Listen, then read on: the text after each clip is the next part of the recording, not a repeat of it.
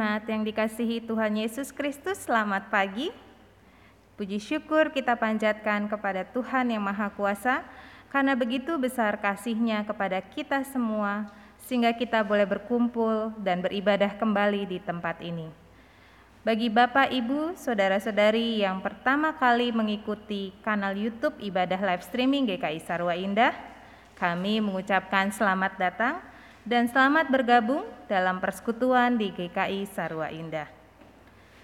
Pokok-pokok warta untuk hari ini adalah sebagai berikut. Kebaktian umum live streaming Minggu Bulan Keluarga pada pagi hari ini akan dilayani oleh Pendeta Beckhurst Benget Tambunan dari GKI Ampera.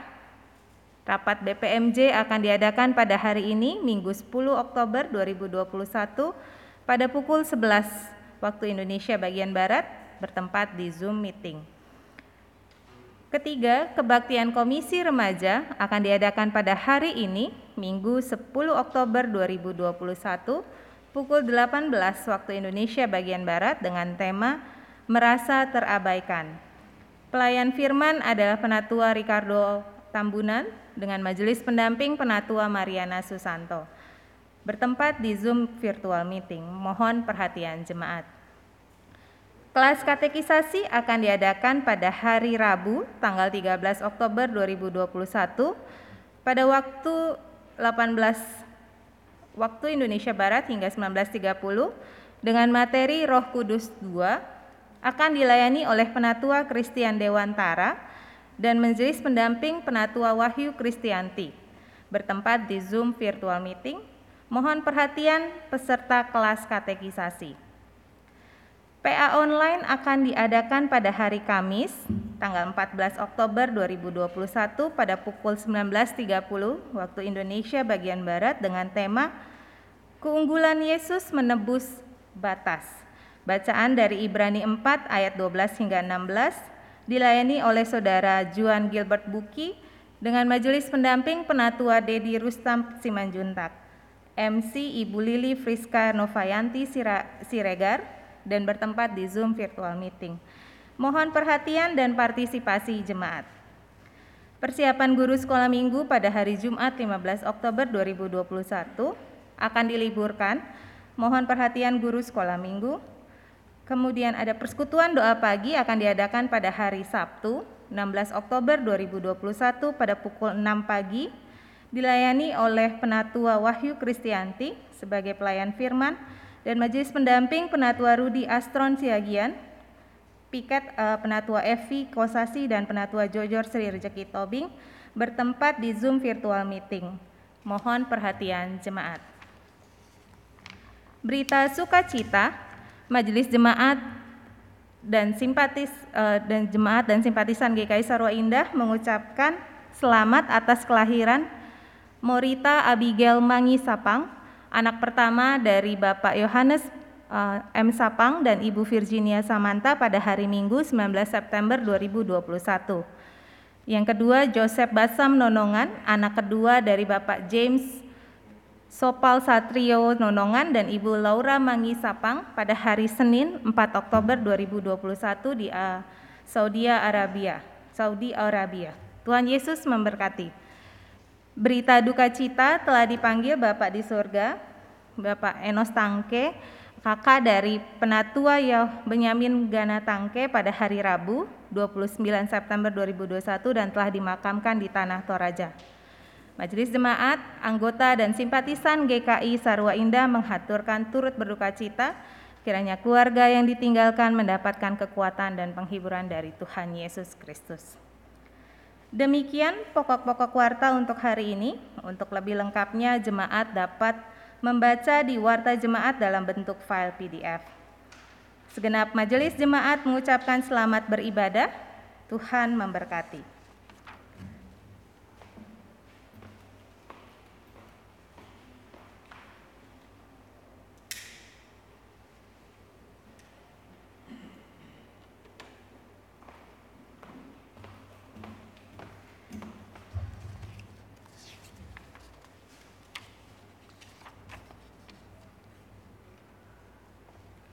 Mari jemaat Tuhan, kita memuji dan menyembah Allah yang menganugerahkan satu lagi hari baru, hari ketika kita boleh beribadah bersama dengan keluarga untuk merayakan bulan keluarga di minggu kedua ini.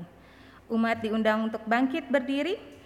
Mari bersama-sama kita menyanyikan NKB 39 bait 1 hingga 3 Dikau Allah ku sembah.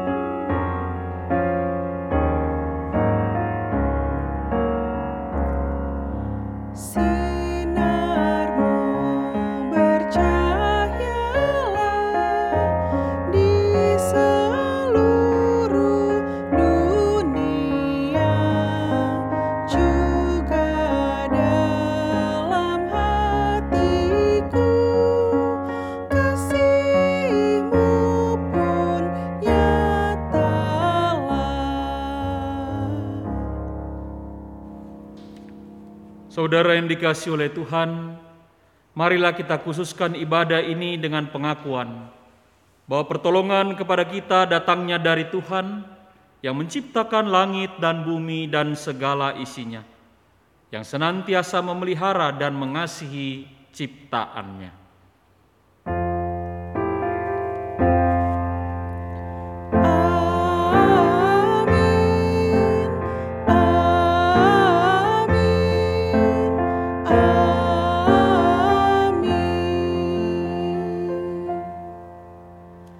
Kasih karunia dan damai sejahtera dari Allah Bapa kita dan dari Tuhan Yesus Kristus serta persekutuan dengan Roh Kudus itulah yang menyertai saudara sekalian dan menyertai saudara juga.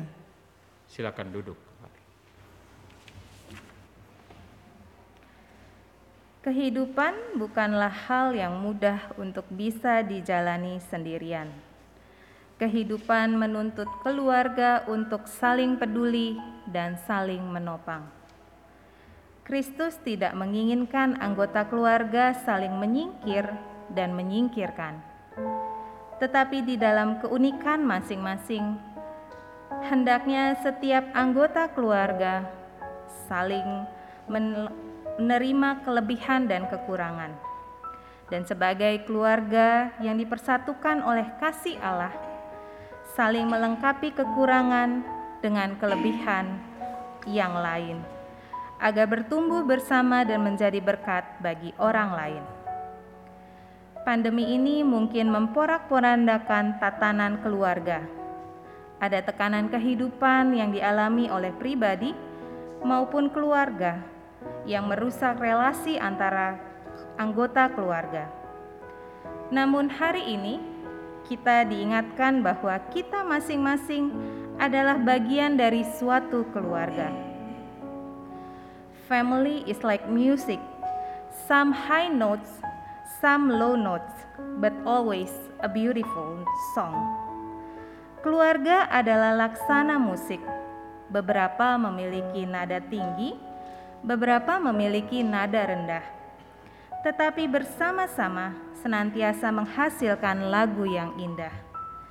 Mari kita datang ke hadirat Tuhan Yesus, menyerahkan tekanan dan kepahitan hidup saat ini Yesus mengerti setiap kesedihan, tangisan, dan keluhan. Jika pribadi kita disalibkan bersama Yesus, maka kita diubahkannya menjadi benar miliknya. Umat diundang untuk berdoa secara pribadi, maka saya akan menutupnya dalam doa pengakuan dosa setelahnya. Mari kita berdoa.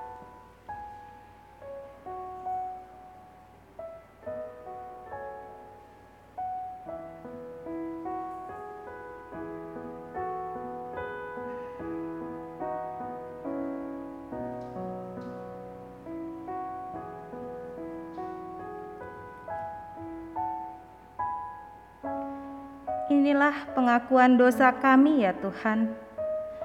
Pengakuan kami atas kesalahan dan kelemahan kami dalam memahami tiap anggota keluarga kami.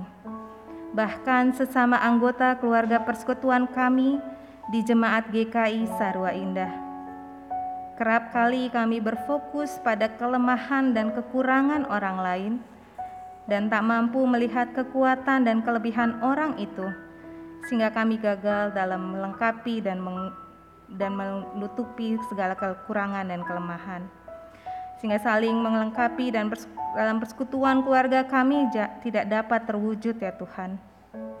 Ampunilah kami ya Tuhan dan mampukanlah kami agar kami dapat memaknai benar teladan-Mu dalam mengasihi sesama kami hingga dalam hidup kami kami dapat menyatakan betapa benar kami milikmu, hanya karena kasih karunia anugerahmu, kami dapat diampuni dan dimampukan. Inilah permohonan ampun kami atas kesalahan dan dosa kami. Ya Kristus di dalam namamu yang kudus kami berseru dan berdoa. Amin. berita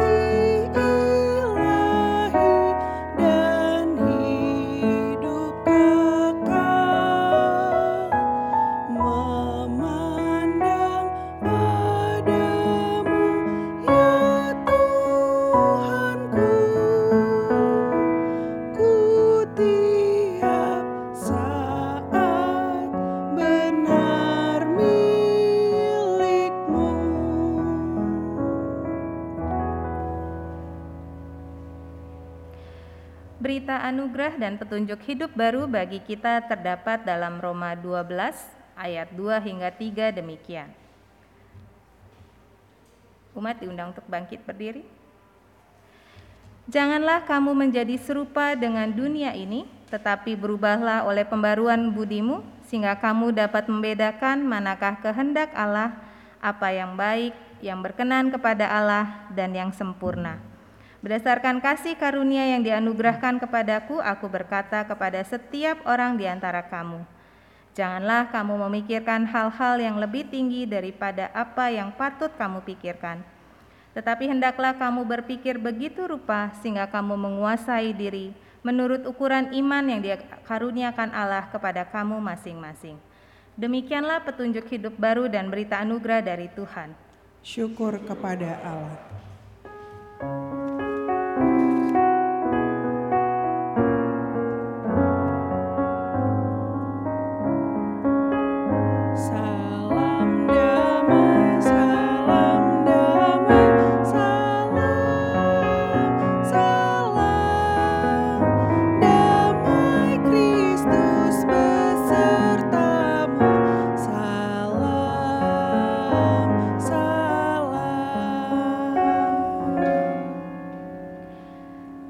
Kita merespon berita anugerah dan menyatakan kesanggupan kita dengan menyanyikan PKJ 239 bait 1 dan 2 perubahan besar.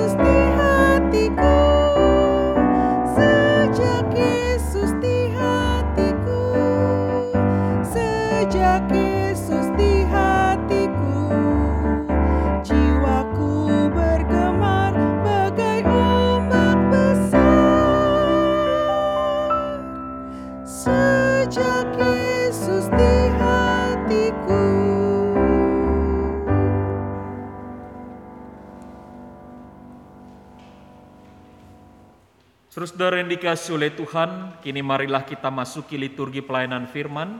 Kita akan berdoa sebelum kita membaca dan merenungkan firman Tuhan. Kita berdoa. Ada ungkapan syukur yang boleh keluar dari dalam hati kami ya Tuhan. Di pagi hari ini kami berkumpul bersama dengan anggota keluarga kami mengikuti peribadahan khususnya dalam rangka bulan keluarga dan pagi hari ini Tuhan kami mohon berkatilah hidup keluarga kami. Kami sadar keluarga kami dipenuhi dengan banyak perbedaannya dan sering kali mengalami perubahan-perubahan yang tidak sesuai menurut keinginan tiap-tiap anggota keluarga. Mampukanlah kami Tuhan untuk mendengar sabda kasih-Mu. Rohmu yang kudus kiranya yang juga menjumpai kami di rumah kami masing-masing agar kami boleh memahami firman-Mu dalam segala kebenarannya. Dan ajarkanlah kami Tuhan untuk boleh melihat dan belajar bahwa daripada firman Tuhan kami semua saatnya PPKM. Biarlah kami juga boleh merasakan sebuah pemulihan. Kami belajar juga untuk menaruh pengharapan di dalam Tuhan. Sebab kami semua ini adalah keluarga milik Kristus.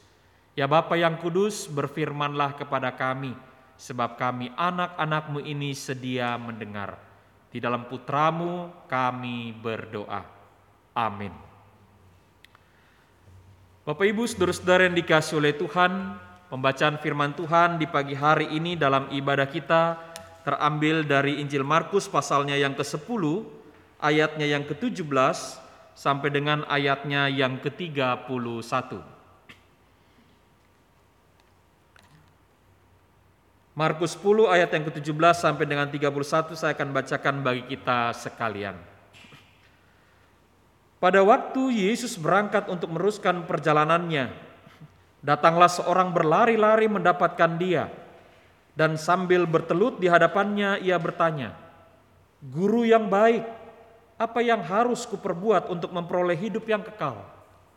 Jawab Yesus, Mengapa kau katakan aku baik? Tak seorang pun yang baik selain daripada Allah saja. Engkau tentu mengetahui segala perintah Allah jangan membunuh, jangan berzina, jangan mencuri, jangan mengucapkan saksi dusta, jangan mengurangi hak orang. Hormatilah ayahmu dan ibumu. Lalu kata orang itu kepadanya, "Guru, semuanya itu telah kuturuti sejak masa mudaku." Tetapi Yesus memandang dia dan menaruh kasih kepadanya, lalu berkata kepadanya, hanya satu lagi kekuranganmu. Pergilah, jualah apa yang kau miliki, dan berikanlah itu kepada orang-orang miskin. Maka engkau akan beroleh harta di sorga. Kemudian datanglah kemari dan ikutlah aku. Mendengar perkataan itu ia menjadi kecewa. Lalu pergi dengan sedih sebab banyak hartanya. Lalu Yesus memandang murid-muridnya di sekelilingnya dan berkata kepada mereka, Alangkah sukarnya orang yang beruang masuk ke dalam kerajaan Allah. Murid-muridnya tercengang mendengar perkataan itu. Tetapi Yesus menyambung lagi, Anak-anakku, alangkah sukarnya masuk ke dalam kerajaan Allah. Lebih mudah seekor unta melewati lubang jarum daripada seorang kaya masuk ke dalam kerajaan Allah. Mereka pun makin gempar dan berkata seorang kepada yang lain, "Jika demikian, siapakah yang dapat diselamatkan?" Yesus memandang mereka dan berkata, "Bagi manusia hal itu tidak mungkin, tetapi bukan demikian bagi Allah. Segala sebab segala sesuatu adalah mungkin bagi Allah." Berkatalah Petrus kepada Yesus, "Kami ini telah meninggalkan segala sesuatu dan mengikut Engkau." Jawab Yesus, "Aku berkata kepadamu, sesungguhnya setiap orang yang karena Aku dan karena Injil meninggalkan rumahnya, saudaranya laki-laki atau saudaranya perempuan, ibunya atau bapaknya, anak-anaknya atau ladangnya, Orang itu sekarang pada masa ini juga akan menerima kembali seratus kali lipat rumah, saudara laki-laki, saudara perempuan, ibu, anak, dan ladang, sekalipun disertai berbagai penganiayaan. Dan pada zaman yang akan datang, ia akan menerima hidup yang kekal. Tetapi banyak orang yang terdahulu akan menjadi terakhir, dan yang terakhir akan menjadi yang terdahulu. Sampai sedemikian jauh pembacaan firman Tuhan yang berbahagia adalah setiap kita yang baca firman Tuhan dan mau melakukannya dalam hidup kita hari demi hari. Haleluya.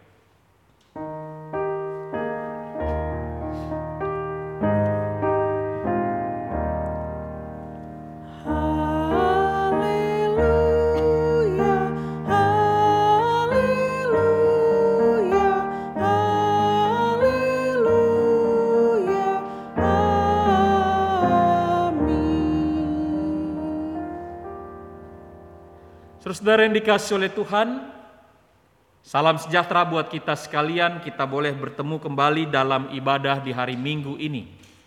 Dan jikalau tema daripada bulan keluarga di GKI Sarua Indah adalah waktunya PPKM, ya betul.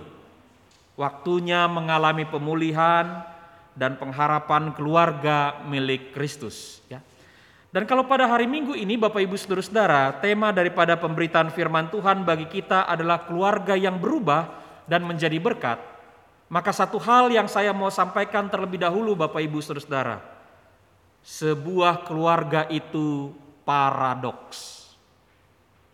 Keluarga itu isinya penuh pertentangan.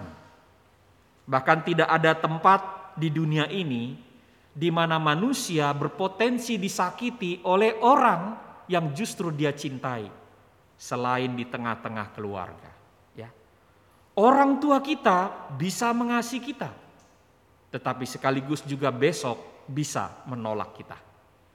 Pasangan kita bisa berkata I love you tapi besok berkata I hate you.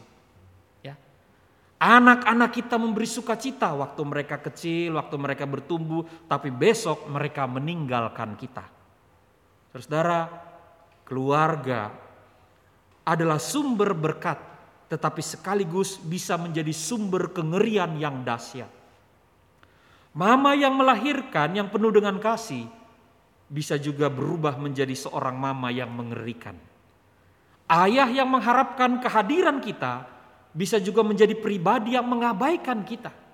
Ya. Keluarga menjadi tempat kita diterima sekaligus ditolak. Itu paradoksnya. Kita dicintai sekaligus dibenci. Rumah penuh sukacita pada hari yang sama juga bisa berubah menjadi ratap tangis. Tempat di mana kita menerima kebahagiaan tetapi sekaligus rentan dengan penderitaan.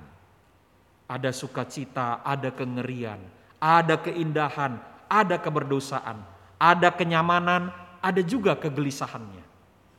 Karena itu saudara yang dikasih oleh Tuhan, keluarga kita memang mirip satu sinema. Jangan-jangan kalau kita pecinta drama Korea, keluarga kita pun juga banyak dramanya. Tempat pertunjukan film yang makin dinikmati karena dinamika dan alur ceritanya itu seru. Ada tawa, tapi kadang-kadang menguras air mata. Bahkan jalan ceritanya bisa juga sulit ditebak. Nah, ketika kita ada di tengah-tengah keluarga, saudara, hal yang terburuk dari hidup kita itu adalah bukan saat kita kesal pada orang tua yang kasar. Hal yang terburuk bukan pada saat kita merasa geram pada pasangan yang mencela-mencela. Hal yang terburuk bukan pada saat melihat anak kita memberontak. Ya. Hal yang terburuk bukan pada saat kita sakit keras, bangkrut atau gagal. Tetapi Bapak Ibu Saudara-saudara, hal yang terburuk adalah ketika kita ini membawa dendam, amarah, muncul kebencian, akar pahit semakin dalam bahkan kita ada di bawah hukuman Tuhan. Hal yang terburuk adalah ketika kita tidak mengenal Kristus, mengabaikan kasihnya, bahkan barangkali yang terakhir ketika keluarga kita tidak mengalami pemulihan. Ya. Saudara yang dikasih oleh Tuhan, semua keluarga butuh pemulihan dalam hidup mereka. Setiap anggota keluarga, setiap pribadi yang ada dalam keluarga karena setiap orang mengalami kepahitan hidupnya. Setiap orang menjadi korban daripada kesombongan, amarah, kebencian, tidak merasakan damai sejahtera dalam hidupnya. Dan semua orang mengharapkan sesuatu yang lebih baik. Dan semua orang mencari pemulihan. Seringkali diungkapkan bahwa ketika keluarga ini dibangun dengan cinta, maka perselisihan, Hal-hal yang kurang baik itu membuat cinta kita semakin berkurang. Ya. Jadi ketika kita senantiasa terus berselisih, senantiasa mempertajam perbedaan-perbedaan kita, maka yang kita ingat bukan lagi kisah cinta pertama kali. Tetapi yang selalu kita ingat adalah pribadi yang menjengkelkan bagi hidup kita. Pemulihan yang menyeluruh ini dibutuhkan oleh semua keluarga agar bisa membawa hidup mereka kepada kesembuhan, damai sejahtera, dan sukacita bagi keluarga itu sendiri. Saudara yang dikasih oleh Tuhan, pembacaan kita menurut Injil Markus pasalnya yang ke-10 ayat yang ke-17 sampai dengan ke-31 pada hari ini menggambarkan kepada kita bagaimana sebuah pemulihan merupakan bagian dari perubahan yang dikehendaki, yang diinginkan supaya kehidupan kita itu bisa menjadi berkat. Diceritakan tentang orang kaya yang berlari-lari mengejar Yesus, menjumpai dia dan mengutarakan kegelisahannya melalui pertanyaan di ayat yang ke-17. Guru, apa yang harus kuperbuat untuk beroleh hidup yang kekal? Ya. Orang kaya ini mengalami kegelisahan hidup sekalipun dirinya punya banyak harta benda. Tetapi sekalipun demikian dia merasakan ada kekosongan dan dia terus mencari sesuatu yang tidak dia miliki itu. Di sinilah Bapak Ibu Saudara-saudara yang gelisah bukan hanya orang miskin, orang kaya pun semakin mengalami kegelisahan. Ya. Bahkan ketika Tuhan bertanya kepadanya, apakah engkau melakukan hukum Tuhan kepada pemuda ini? Saudara-saudara, pemuda ini dengan sangat antusias mengatakan, aku menurutinya sejak masa mudaku. Perhatikan di ayat yang ke-20. Dan Bapak Ibu, Bukankah ini satu hal yang luar biasa yang seharusnya membuat kita yang membacanya di awal-awal kalau begitu nggak ada persoalan sebetulnya. Tetapi Yesus tahu ketika pemuda ini menjawab pertanyaan itu secara luar biasa. Yesus tahu apa yang menjadi kekurangan orang kaya ini. Maka perkataan Yesus kepada anak muda ini di ayat yang ke-21 di sana dikatakan, "Pergilah jualah apa yang kau miliki dan berikanlah kepada orang miskin. Setelah itu mari ikutlah aku. Wow. Saudara, pertanyaan ini dijawab oleh Tuhan Yesus dengan sesuatu yang sangat sekali tidak pernah masuk di akal oleh si pemuda ini. Itu yang membuat orang muda ini, orang kaya ini menjadi kecewa. Dan kalau kita baca bagian firman Tuhan ini, dia nggak banyak ngomong lagi Bapak Ibu. Dia langsung sedih, dia langsung pergi, dia nggak punya perkataan apa pun. Bahasa kasarnya dia nggak pamit. Wow. Bayangkan dari semua kehebatan atas dirinya yang sudah dikatakan di depan Yesus. Dia taat pada hukum, dia rajin berdoa, justru di sanalah terletak kelemahannya. Bapak Ibu saudara-saudara yang dikasih oleh Tuhan, apa kelemahannya? Yesus menemukan bahwa kelemahan atau penyakit terbesar dari orang kaya ini adalah dia tidak memiliki kepedulian. Dia hanya cinta pada dirinya sendiri. Dia hanya fokus pada dirinya sendiri. Dan ketika dia cinta pada dirinya sendiri, sesungguhnya orang kaya itu terikat pada apa yang dia miliki. Kalau kita bandingkan dengan bagian firman Tuhan yang lain dalam Injil Matius pasal 6 ayat 21, Tuhan Yesus pernah berkata, "Karena di mana hartamu berada, di situ juga hatimu berada." Jadi orang muda yang kaya ini mempertimbangkan segala sesuatu menurut kacamata kekayaannya. Dia terpenjara sehingga hatinya dikendalikan oleh kepemilikan pikirannya, perasaannya, sikapnya, kebijaksanaannya, logikanya, bahkan iman percaya serta kasihnya. Ya. Betul, ia tidak membunuh. Ya. Barangkali ia membayar orang lain supaya orang lain yang mengerjakan maksudnya. Ya. Jadi Bapak Ibu Saudara-saudara, di sinilah Yesus mau menegaskan pentingnya kita melihat kedalaman diri kita, hidup kita, keluarga kita masing-masing. Ya. Betulkah ada keluarga yang tidak pernah berselisih paham? Bapak Ibu saudara-saudara khususnya bagi saudara yang baru menjalani kehidupan rumah tangga. Lima tahun pertama saudara pasti mengalami kehidupan rumah tangga yang berbahaya Lima tahun pertama saudara pasti bertengkar. Kalau tidak bertengkar, saya selalu katakan bertengkarlah.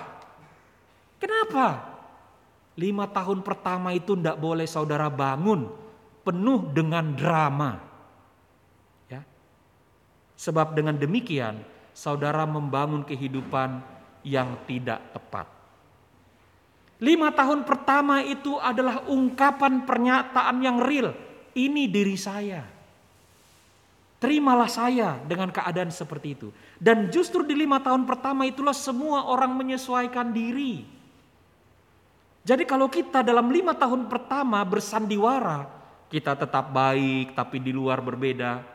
Saudara, kita akan mengalami situasi yang sangat-sangat sulit. Ya. Seperti orang kaya ini barangkali kita ada dalam ketidakpedulian. Kita tidak peduli dengan kehidupan yang sesungguhnya. Ya udahlah yang penting saya baik sama istri saya. Ya udahlah yang penting saya siapkan fasilitas buat buat istri saya. Yang penting gaji saya saya kasih lah. Ya. Lalu sang istri mengatakan, "Ya udahlah yang penting suami saya pulang dari kantor semua sudah siap lah." Ya.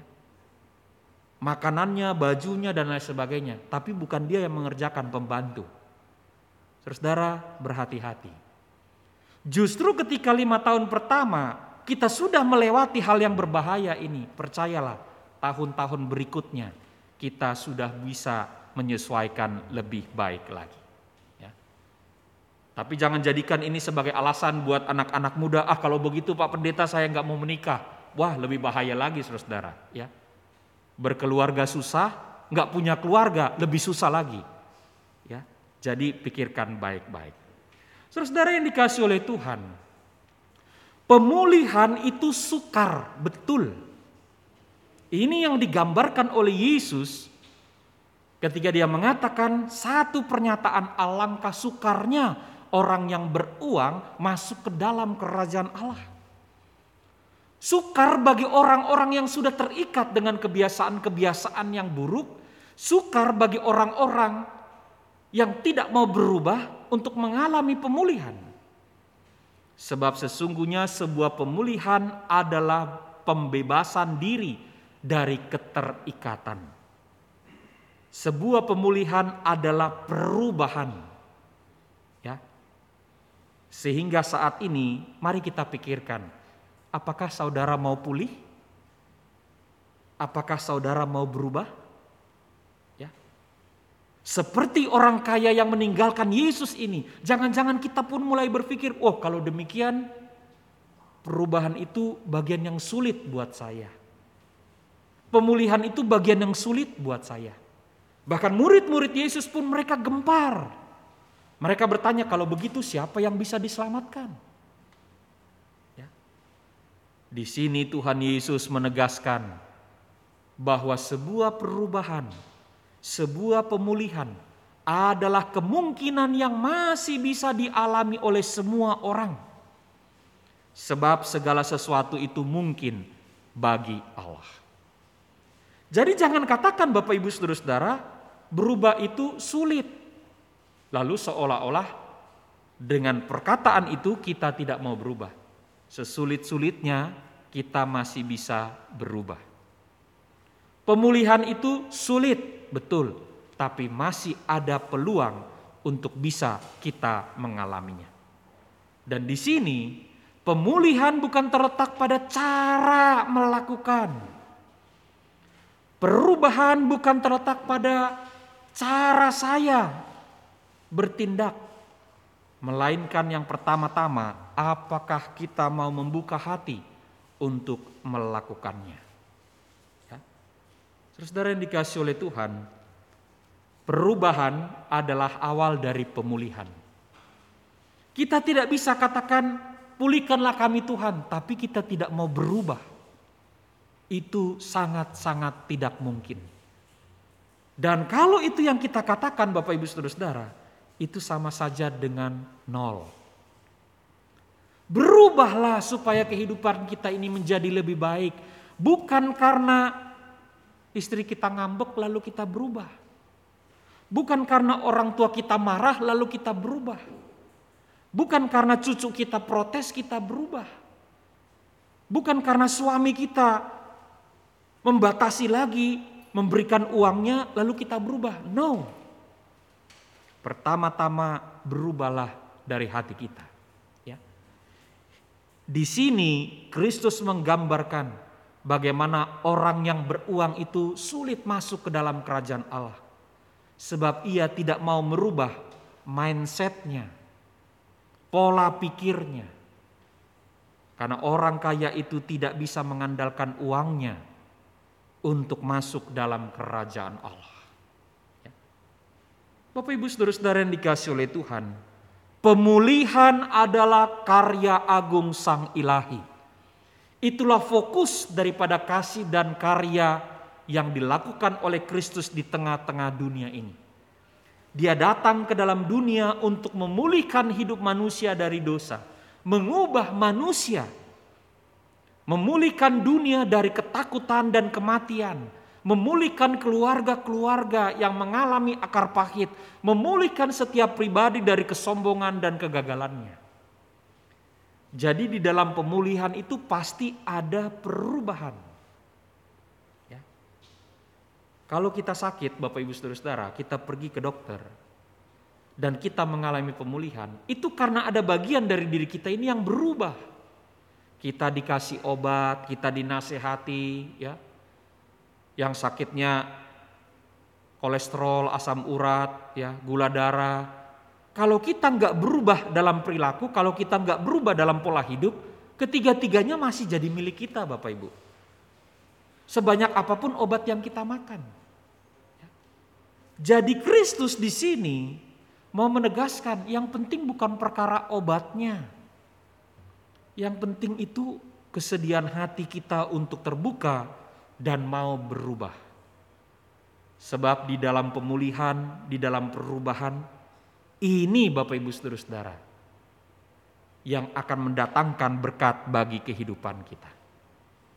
Perhatikan bagaimana kasih Allah itu dinyatakan kepada dunia Yehezkiel pasal 34 ayat yang ke-16 berkata, yang hilang akan kucari, yang tersesat akan kubawa pulang, yang luka akan kubalut, yang sakit akan kukuatkan, serta yang gemuk dan yang kuat akan kulindungi. Aku akan menggembalakan mereka sebagaimana seharusnya. Tuhan memulihkan masing-masing kita. Tetapi sekaligus juga Tuhan membawa perubahan dalam kehidupan kita. Kalau saudara tidak mau berubah, maka apa yang dilakukan oleh Kristus itu tidak akan terjadi. Karena saudara mengeraskan hati masing-masing. Dan demi pemulihan bagi umat yang dicintai, Allah itu sekali-kali tidak akan meninggalkan kita. Kita diminta untuk percaya kepada Allah dan tidak terbelenggu pada hal-hal yang kita miliki Bapak Ibu. Ibrani pasal yang ke-13 ayat yang kelima berkata, Janganlah kamu menjadi hamba uang, dan cukupkanlah dirimu dengan apa yang ada padamu.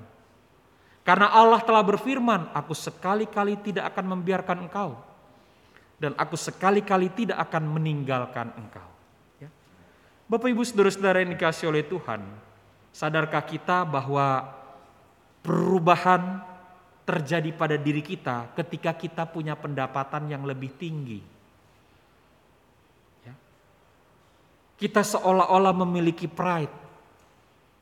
Kita dulu lemah lembut, kita ramah kepada orang lain, sekarang kita mau lihat siapa dia, saya sudah seperti ini. Kelasnya apa? Saya sudah lebih baik.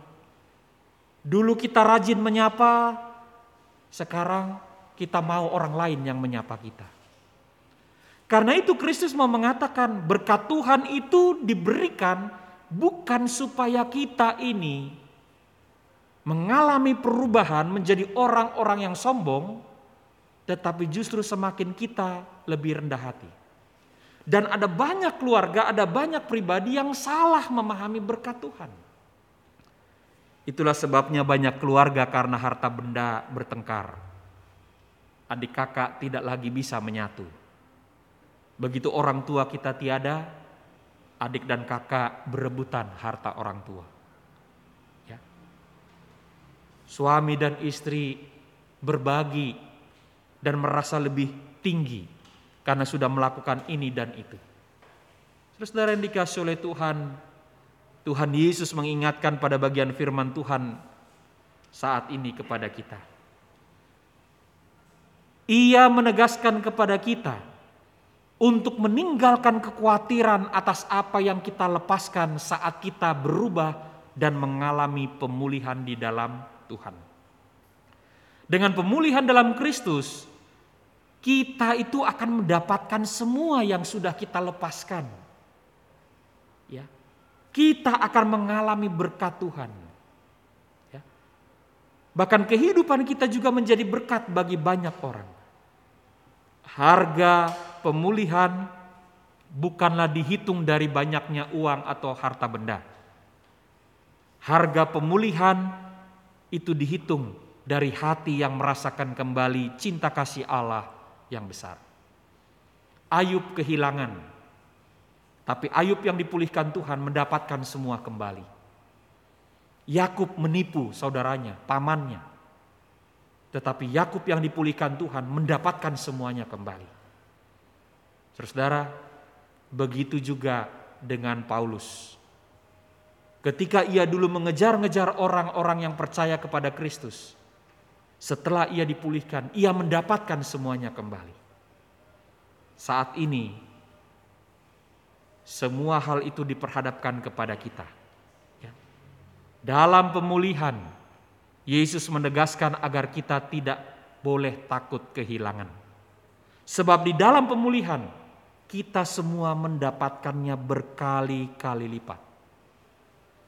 Maka hari ini Bapak Ibu Saudara-saudara dikasih oleh Tuhan, Keluarga kita akan tetap menjadi keluarga yang paradoks ketika kita tidak mau berubah. Keluarga kita akan terus menjadi keluarga yang berseteru ketika kita tidak mau mengalami pemulihan. Tetapi begitu kita menyatakan keinginan berubah, keinginan dipulihkan Tuhan, percayalah kita pun akan menjadi berkat. Kini waktunya PPKM. Kini waktunya merenungkan saat kita bersama-sama dengan keluarga berada di rumah.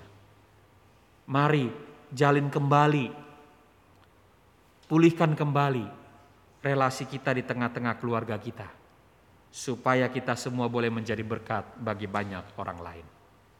Amin. Kita bersaat hening sejenak.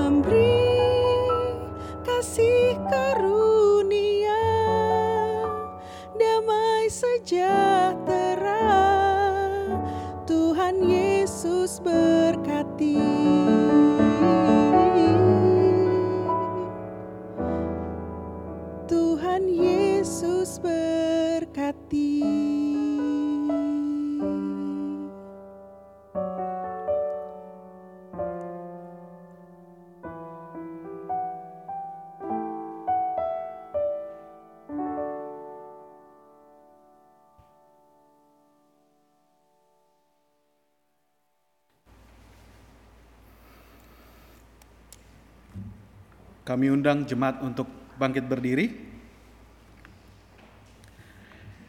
Marilah kita bersama dengan umat Allah di masa lalu, masa kini, dan masa depan mengingat pengakuan pada baptisan kita menurut pengakuan iman rasuli.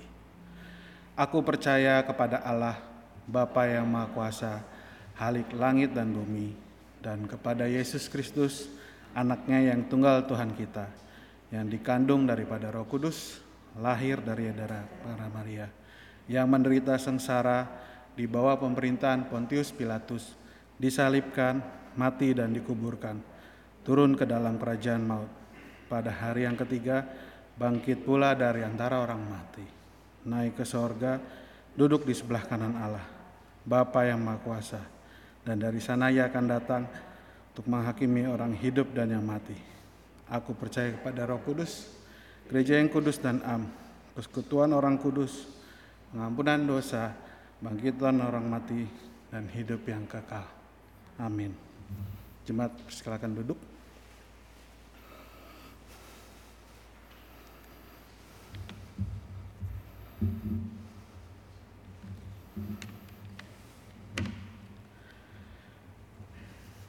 Mari kita bersama-sama berdoa syafaat. Puji dan syukur kembali kami panjatkan kepadamu ya Tuhan.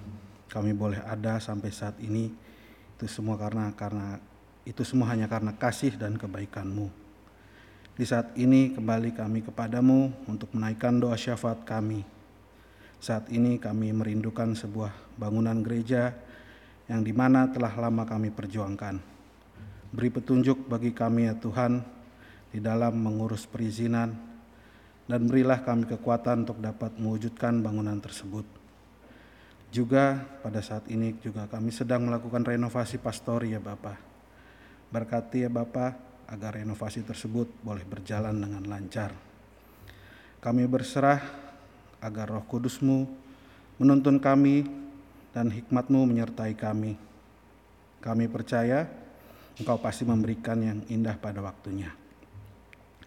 Tetapi kami juga tidak lupa untuk bersyukur ya Tuhan, sampai saat ini kami masih bisa beribadah di sekretariat ini. Terima kasih atas situasi dan kondisi yang mendukung hingga saat ini dan kami bisa beribadah dengan tenang. Diberkatilah orang-orang di sekitar yang telah mendukung kami beribadah.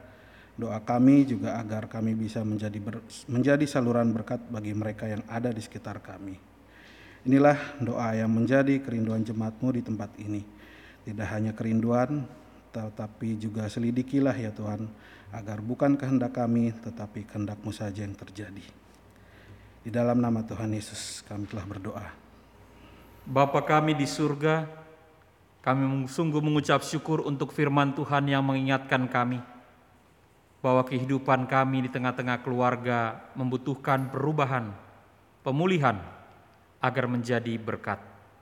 Kami sadar Tuhan bahwa banyak hal terjadi di tengah-tengah keluarga kami, tangis dan tawa, hal-hal yang menggembirakan dan menyedihkan, hal-hal yang dilakukan dengan cinta ataupun juga dengan amarah dan kebencian. Sehingga perasaan dari setiap anggota keluarga sangatlah berbeda-beda. Ada kalanya kami bisa menerima, namun lebih sering kami menolak, bahkan tidak menyetujuinya. Pimpin kami Tuhan supaya kami boleh mengalami perubahan, agar kami tidak mencintai diri kami sendiri, tetapi kami juga peduli kepada orang lain. Biarlah pemulihan bagi hidup keluarga kami menghadirkan berkat bagi setiap kami. Sebab kami percaya tidak ada keluarga yang diberkati Tuhan ketika keluarga itu penuh dengan pertengkaran dan permusuhan. Ajarlah kami boleh menyatukan visi misi kami sebagai bagian sebuah keluarga. Kami semua rindu untuk boleh mengalami perubahan dalam hidup kami. Saat ini sebagai keluarga jemaat Tuhan di GKI Sarua Indah kami mau berdoa untuk semua keluarga-keluarga lainnya yang boleh mengikuti peribadahan ini dari rumah masing-masing. Biarlah kami boleh saling menguatkan, saling mendoakan. Kami juga boleh saling mengalami pemulihan di dalam Tuhan. Kami belajar dari hal-hal yang baik dari keluarga-keluarga lainnya yang menjadi sumber-sumber berkat. Dan biarlah kami juga boleh bertumbuh bersama-sama sebagai keluarga besar jemaatmu di GKI Sarwa Indah ini. Tuhan kami mau menaikkan doa dan permohonan kami secara khusus bagi saudara-saudara kami yang tengah bergumul dalam sakit penyakit, dalam proses pemulihan, bahkan dalam duka cita. Kami mau berdoa biarlah cinta kasih Tuhan kiranya boleh menolong secara khusus anakmu, Ibu Sara Jaja Sumadi yang tengah dirawat di rumah sakit Fatmawati. Tuhan jamahlah kekasih kami ini, orang tua kami ini. Pulihkanlah. Berkatilah setiap anggota keluarga yang tengah berfokus dalam perawatan. Biarlah rasa letih lelah mereka semua Tuhan gantikan dengan kegembiraan dan juga kesembuhan. Berkati juga kekasih-kekasih kami, anggota-anggota keluarga kami dalam masa-masa pemulihan. Ibu Mami Palon, Ibu Hana Panjaitan, Ibu Yulia Kristianti, Bapak Kristian Hutagalung, Ibu Nike Elizabeth Buki, Bapak Wahyu Hidayat, ayahanda dari Penatua Kristian Dewantara, Ibu Yohana Triani ibunda dari Penatua Kristian Dewantara, Ibu Maria Magdalena, Ibu Tambunan, ibunda dari Ibu Tiara Panggabean, dan Bapak Rudi Pasaribu. Tuhan kiranya menolong, Tuhan kiranya menguatkan, Tuhan kiranya memberikan hati untuk boleh terus percaya kepada pertolongan-pertolongan Kristus bagi kekasih-kekasih kami. Keluarga kekasih kami yang tengah berduka cita Tuhan hiburkan dan kuatkan secara khusus keluarga besar. Agar mereka boleh melihat perjalanan kehidupan mereka akan ditopang oleh Tuhan. Kami juga mau berdoa ya Bapa untuk persekutuan daripada keluarga GKI Sarwa Indah. Berkati majelis jemaat, badan pelayan jemaat, para pengurus, para aktivis, yang terus-menerus mengupayakan pelayanan-pelayanan yang terbaik bagi persekutuan di tempat ini. Media online yang dipergunakan, Tuhan juga boleh tolong. Bahkan jemaat kami Tuhan berkati, secara khusus mereka yang masih terkendala dengan koneksi internet. Tuhan kiranya juga mencukupkan berkat-berkat pada kehidupan mereka. Biarlah pembelian, pemberian diri anak-anakmu ini yang terlibat dalam pelayanan ibadah online, boleh menjadi berkat bagi banyak orang. Kami mau berdoa juga untuk semua tim teknis, bahkan karyawan gereja yang membantu terselenggaranya pelayanan ibadah online ini. Tuhan jaga kesehatan mereka, Tuhan berikan pertolongan, berikan sukacita kepada mereka ya Bapa. Tak lupa kami mau berdoa, mengucap syukur untuk saudara-saudara kami yang akan merayakan ulang tahun mereka pada hari pada minggu-minggu ini. Secara khusus kami mau berdoa untuk Ibu Heni Arina Ariana Siregar pada tanggal 10 Oktober hari ini. Berdoa bagi Bapak Arya Jubelium Siagian pada tanggal 12 Oktober nanti. Penatua Jojor Sri Rezeki Tobing tanggal 13 Oktober, Saudara Jeremia Kurnia Aji tanggal 13 Oktober, Bapak Ferdi Jordi Adi Dun tanggal 14 Oktober, Bapak Roni Ricardo Alphonse tanggal 14 Oktober, Saudara Daniel Raga tanggal 15 Oktober, Bapak Antonius Sabadi Hartono tanggal 16 Oktober, Ibu Wilma Patiwail tanggal 16 Oktober, dan Bapak Arvino Tanuwibawa tanggal 16 Oktober. Tuhan berkati setiap anak-anakmu yang merayakan syukur mereka. Usia yang bertambah biarlah Tuhan juga jadikan sebagai sebuah proses pemulihan bagi kehidupan mereka.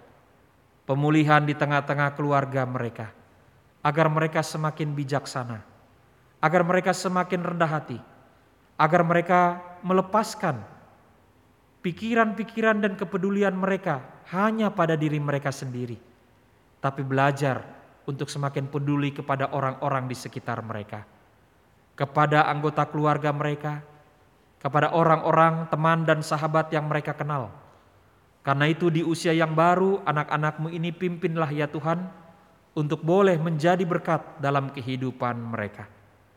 Kami juga mau berdoa, biarlah di bulan keluarga ini semakin banyak keluarga-keluarga kami yang mengalami perubahan. Waktunya bagi kami PPKM. Waktunya bagi kami memulihkan hidup. Waktunya bagi kami melihat pengharapan kami pada Kristus. Sebab Engkau Tuhan yang setia, yang melindungi kami, menyelamatkan kami, menghantar kami semasa pandemik ini ya Tuhan. Kami mau berdoa juga untuk bangsa dan negara kami, Berkati pemimpin kami Tuhan yang terus menyelenggarakan vaksinasi secara massal.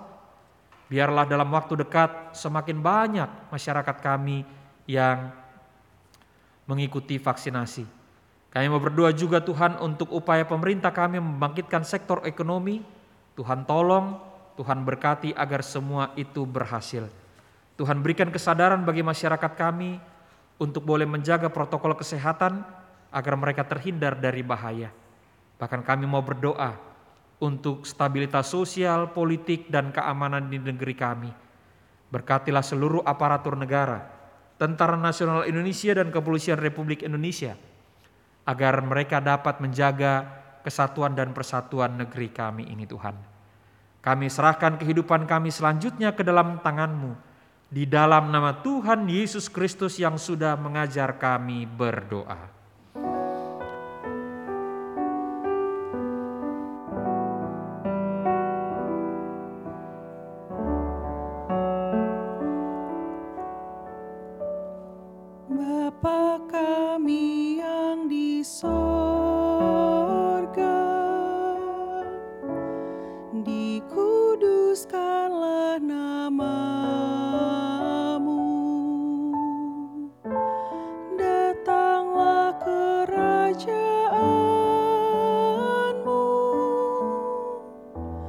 jadilah ke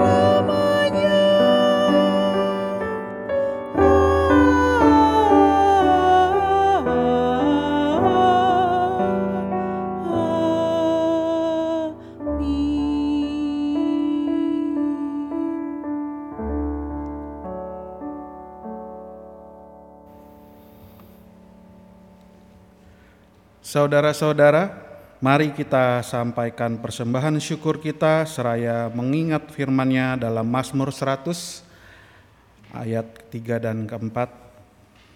Ketahuilah bahwa Tuhanlah Allah, dialah yang menjadikan kita dan punya dialah kita, umatnya dan kawanan domba gembalaannya. Masuklah melalui pintu gerbangnya dengan nyanyian syukur ke dalam pelatarannya dengan puji-pujian. Bersyukurlah kepadanya dan pujilah namanya. Mari kita menyanyikan KJ 292 bait pertama sampai dengan ketiga tabuh gendang.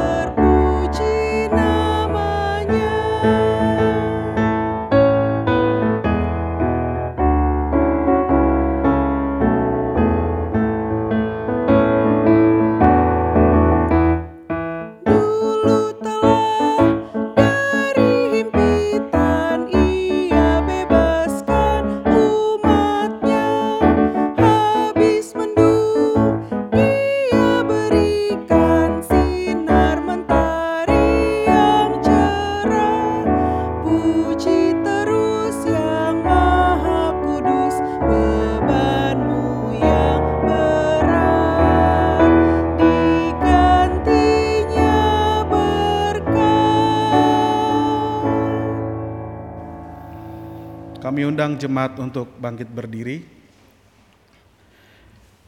Mari kita sama-sama berdoa.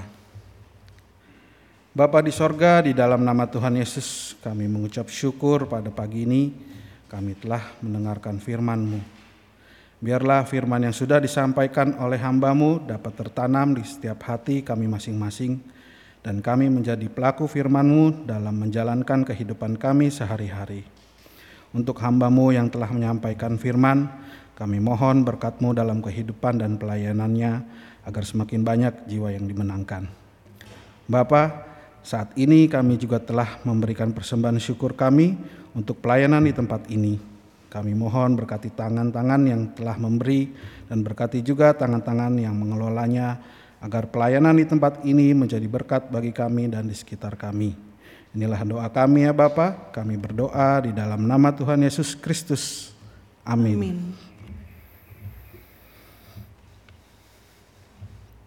Saudara yang dikasih oleh Tuhan, berikanlah diri kita untuk mengalami perubahan dan pemulihan di dalam Tuhan, agar kita pun dapat diberkati dan menjadi berkat bagi banyak orang. Mari kita pujikan nyanyian pengutusan kita, kasihkan milik kita. Andai rumah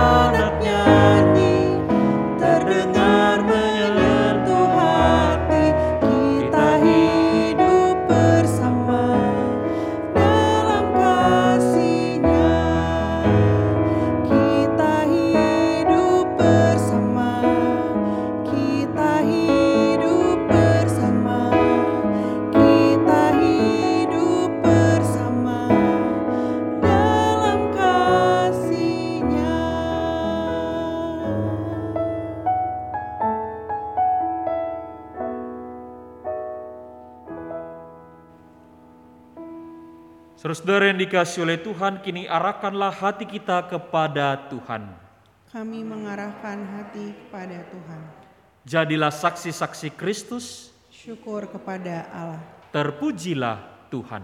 kini dan selamanya Angkatlah hati kita dan terimalah berkat Tuhan. Tuhan memberkati saudara dan melindungi saudara. Tuhan menyinari saudara dengan wajahnya dan memberi saudara kasih karunia.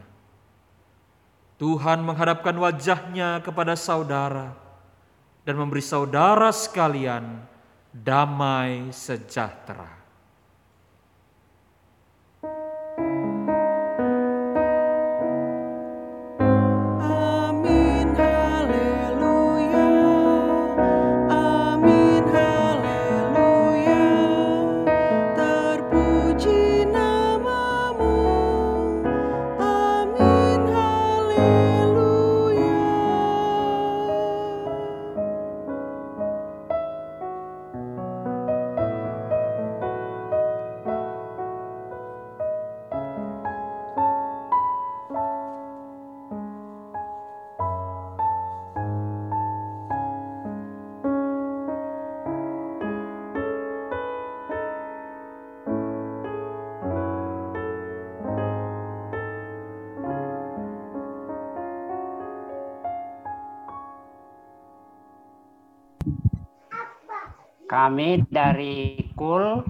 GKI Sarwa Indah mengharapkan kehadiran para lansia dan juga seluruh anggota GKI Sarwa Indah yang mau terlibat untuk PA KUL pada 5 November tahun 2021 jam 10 pagi. Kiranya Tuhan memberkati kita dan memberikan kita kesehatan. Terima kasih. Dadah. Selamat hari Minggu. Selamat hari Minggu. kasih Pak Anies.